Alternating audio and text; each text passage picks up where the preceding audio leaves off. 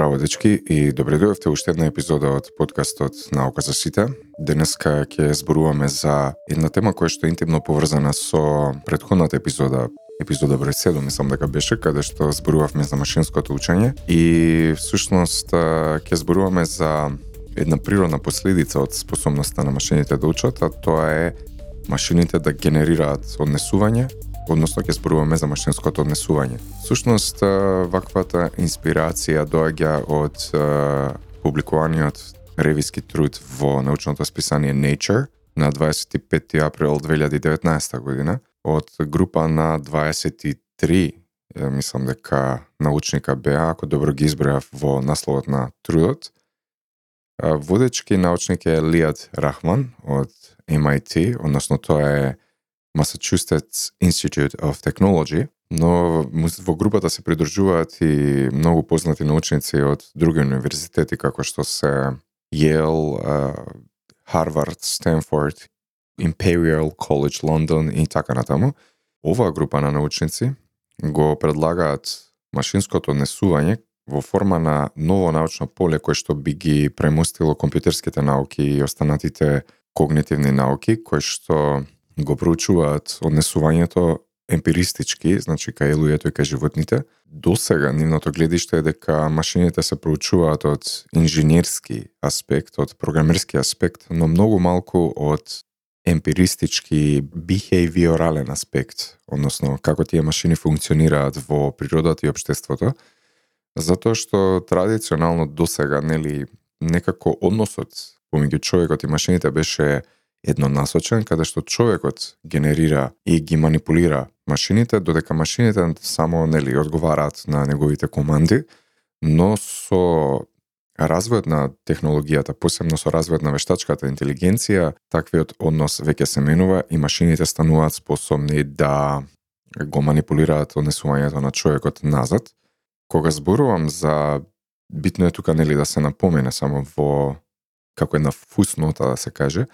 дека кога зборувам и кога велам машини, тоа типично мислам на алгоритмите кои што се вградени во нив, односно софтверот кој што ги придвижува таквите машини. Машината не е значи склоп на метал, пластика и сите тие компоненти физички кои што ја градат, туку најодговорниот дел за машинското однесување е токму алгоритмот кој што е вграден во машината. И значи оваа група на научници во овој труд кој што ќе го линкувам нели во описот во секој случај, ја дефинира, односно го дефинира машинското учење како научна студија на однесувањето кај интелигентните машини. И ова е сосема една свежа и нова идеја и ново гледиште. Всушност, нивната идеја е да се прифатат машините како дел од всушност екосистемот на земјата, Традиционално или екосистемот е составен од животни, луѓе, растенија, микроорганизми и така натаму, значи кои што се во взаемна размена и взаемна интеракција, но веќе со прифаќањето на машините, односно со интегрирањето на машините во општеството и со нивните алгоритми, значи, тие веќе имаат влијание врз и врз луѓето, нели, и врз животните и генерално врз животната средина, така што а, би требало да бидат и прифатен дел од екосистемот на, на живиот свет. Тие наведуваат три мотивации, односно три причини зашто алгоритмите и машините сметаат дека треба да бидат разгледани од една поинаква гледна точка, односно од засебна дисциплина на машинско однесување, а тоа е причина број 1, односно мотивација број 1 е просто нели сеопфатноста, се присутноста и се вкупноста на алгоритмите во денешното модерно живење. Например, од постојат алгоритми од рангирање на вести до сортирање на и бодување на пример на кредитни како се вели во банкарски жаргон на кредитни способности до одредување на цени, до интеграција во автономни возила, типичен пример е нели Тесла Па дури и во интеграција на некои си нели од оние што се дейтинг сајтови каде што алгоритми всушност одредуваат кои двајца се совпаѓаат во нивните интереси.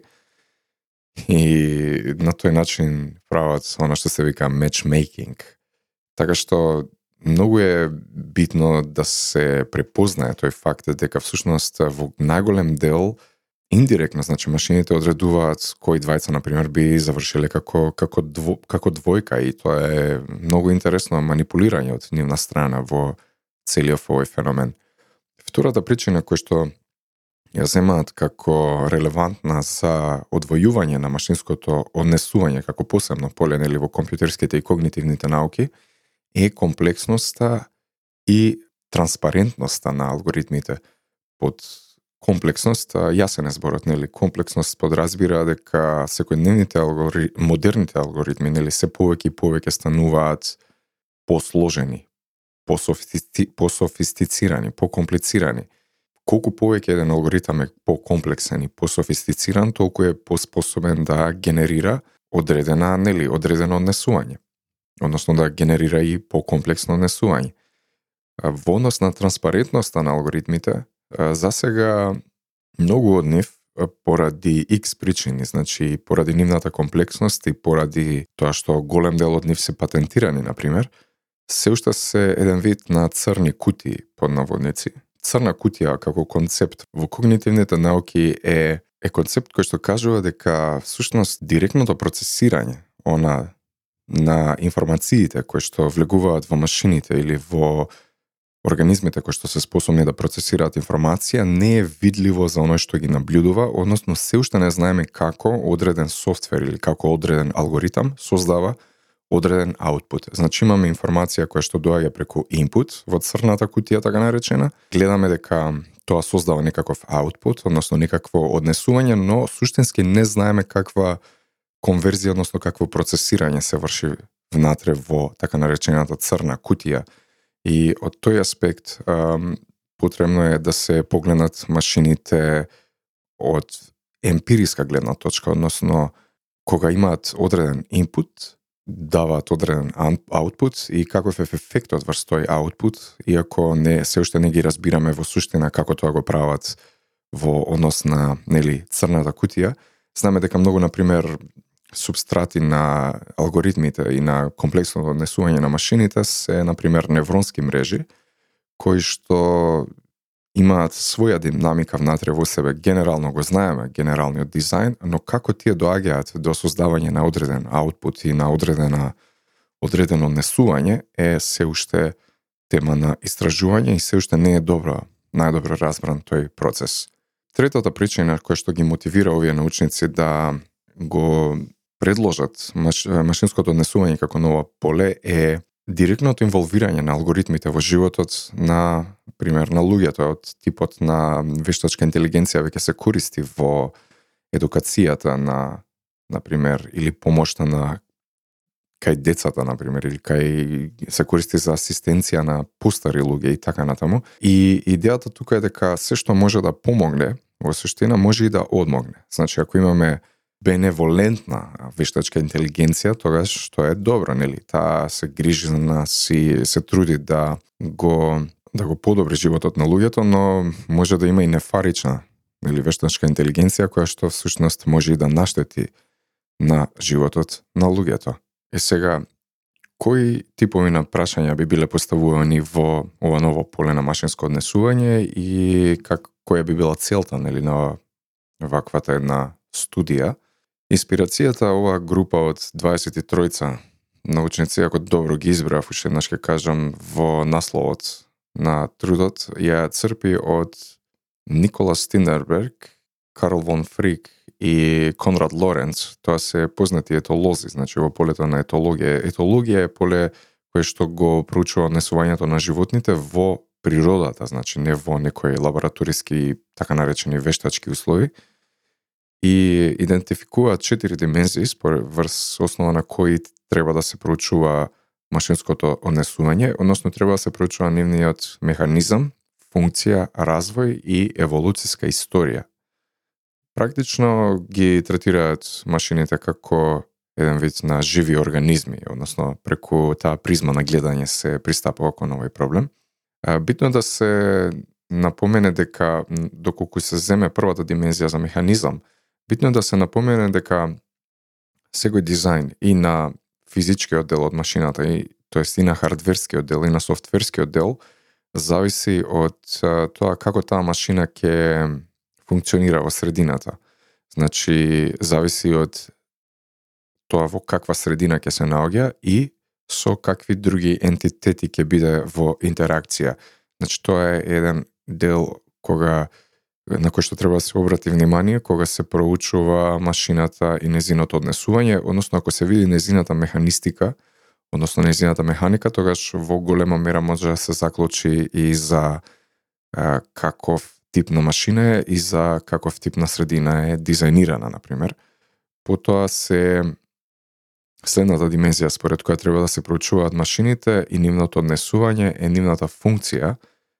И таа функција повторно се гледа во контекст на средината, односно на ако се земе нели од биолошки гледан аспект, како средината врши притисок врз тие машини да се адаптираат, односно да се репрограмираат, редизајнираат и практично да еволуираат во нешто друго. Значи, секоја средина врши одреден притисок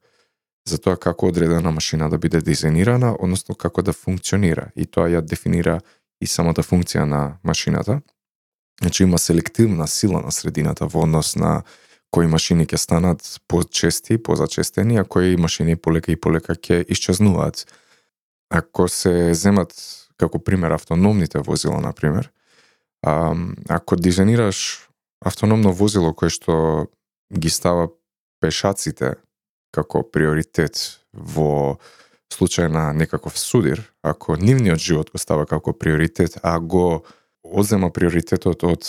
собственикот на возилото, од оној што го вози, тогаш природно нели луѓето ќе тежнеат да купуваат се помалку и помалку автономни возила затоа што ќе размислат дека ќе мислат дека нели нивната безбедност е помалку битна за таа компанија која што ги која што ги создава таквите машини и практично функцијата на машината е многу битна за незиниот развој и иднина. Е сега, третата димензија е, нели, или четвртата која димензија беше? А, да, третата димензија е развојот на тоа однесување. Секако дека кога зборуваме за развој на однесување, може да се третира машината како индивидуален организам и да се следи незиниот развој во текот на времето. Значи, од каде почетокот, значи оние први иницијални интеракции со средината и со луѓето и полека да се следи незиниот развој, прогрес и промени во текот на времето. Тоа е уште една димензија и на крај еволуцискиот аспект од групата колективно која ќе се погледнат, како тие се развиваат, во која насока се движат и како нели алгоритмите сами вградени се развиваат. Значи типично некој алгоритми како и во како и во еволуцијата, нели како што еволуцијата врши притисок за и селекција во однос на гените нели на биолошките организми, оние гени кои што се функционални и допринесуваат за обстанокот и репродукцијата на организмот, тежнат да бидат селектирани од страна на еволуцијата, од страна на нели природата и тежнат понатамо да се пренесуваат и понатамо да мутираат и да се развиваат и така натаму. Значи може истиот концепт да се аплицира и во однос на машинското однесување, каде што одредени овој пат алгоритми се исто така а, селектирани од страна на средината, тоа може да биде човекот или од општо од еволуциски а, од, или општо од еволуцијата, нели? И таквите алгоритми кои што вршат одредена функција, кои што се по погодни за репродукција, односно за повторување на истите, односно таквите нивни мутации се селектирани и таквите алгоритми во иднина исто како и гените, нели, ќе пропагираат. Ако одреден софтвер, ако одреден алгоритам врши супер корисна функција, например, во автономно возило, тој алгоритам ќе тежне да се повторува, да се копира, да се подобрува и така натаму. Значи може да се разглед да се гледаат машините како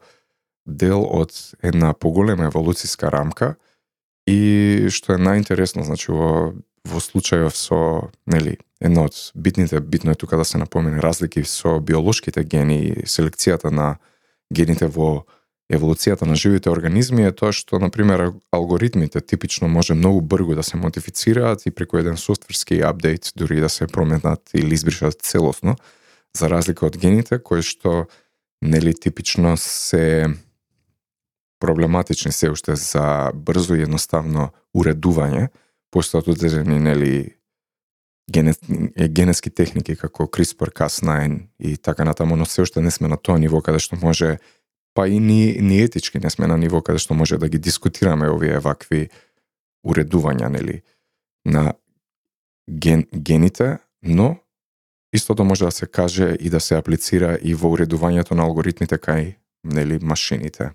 Предлогот на ова група на научници во однос на машинското однесување исто така се однесува и на нивото на кое што тие би се истражувале.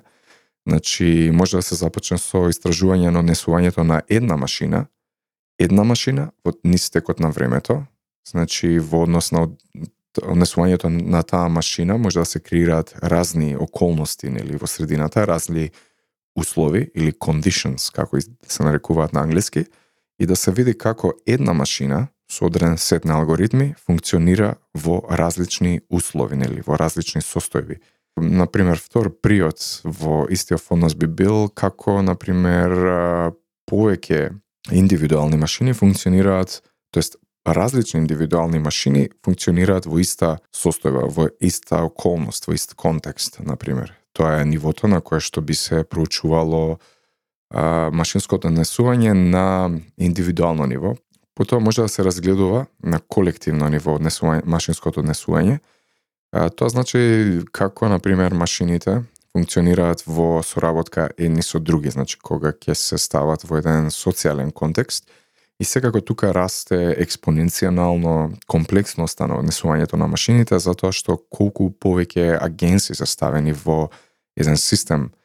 на во еден колективен систем на однесување, тогаш и комплексноста на тоа однесување и комплексноста на тие интеракции се зголемуваат. И интересно би било да се наблюдува дали, на пример, ваквите машини кои ќе се стават во колективен социјален контекст една со друга, дали тие учат на пример, една со друга, дали покажуваат така наречено социјално учење едни од други и така натаму. Значи, третото ниво на кое што би можеле да се студираат машините, односно нивното однесување би било во можеби најкомплексниот систем на едно хибридно човечко машинско однесување, на една хибридна човечко-машинска интеракција – тоа е веќе највисокото ниво на кое што може да се студираат, кога веќе нели група на машини, без разлика дали тоа пристапуваат од позиција на индивидуална машина или од позиција на група, како тие соработуваат со индивидуални луѓе, животни или групи на луѓе и групи на животни. Значи тоа да, додава уште еден слој на комплексност во целиот овој процес и тоа би била исто така една релевантна тема која што би се проучувала во полето на машинското однесување. Крајниот слој на машинското однесување може да се однесува на човеко-машинското сооднесување, односно нивната соработка. Знаеме дека најчест приод кога се комбинира човек со машина е во функција на тоа машината, односно алгоритмот или вештачката интелигенција да му помогне на човекот да извршува некоја одредена задача многу по-брзо, поедноставно, по-практично и така натаму. Типично постојат нели например во некои хирурски зафати кои се одвиваат со помош на роботи, например, со каде што има многу ситни ситни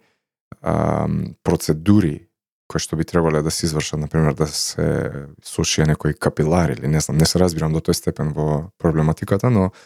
а, секако дека вештачката интелигенција вградена во таквите роботи кои што помагаат во тој случај, а, работи заедно со луѓето, значи и има еден вид на сооднесување, значи каде што се комбинира однесувањето на човекот и однесувањето на машината. Како и да е, значи на крајот авторите во студијава предупредуваат на еден феномен, односно луѓето обично тежнеат да антропоморфизираат или да зооморфизираат неживи објекти, тоа значи да им придаваат човечки или животински особини на истите.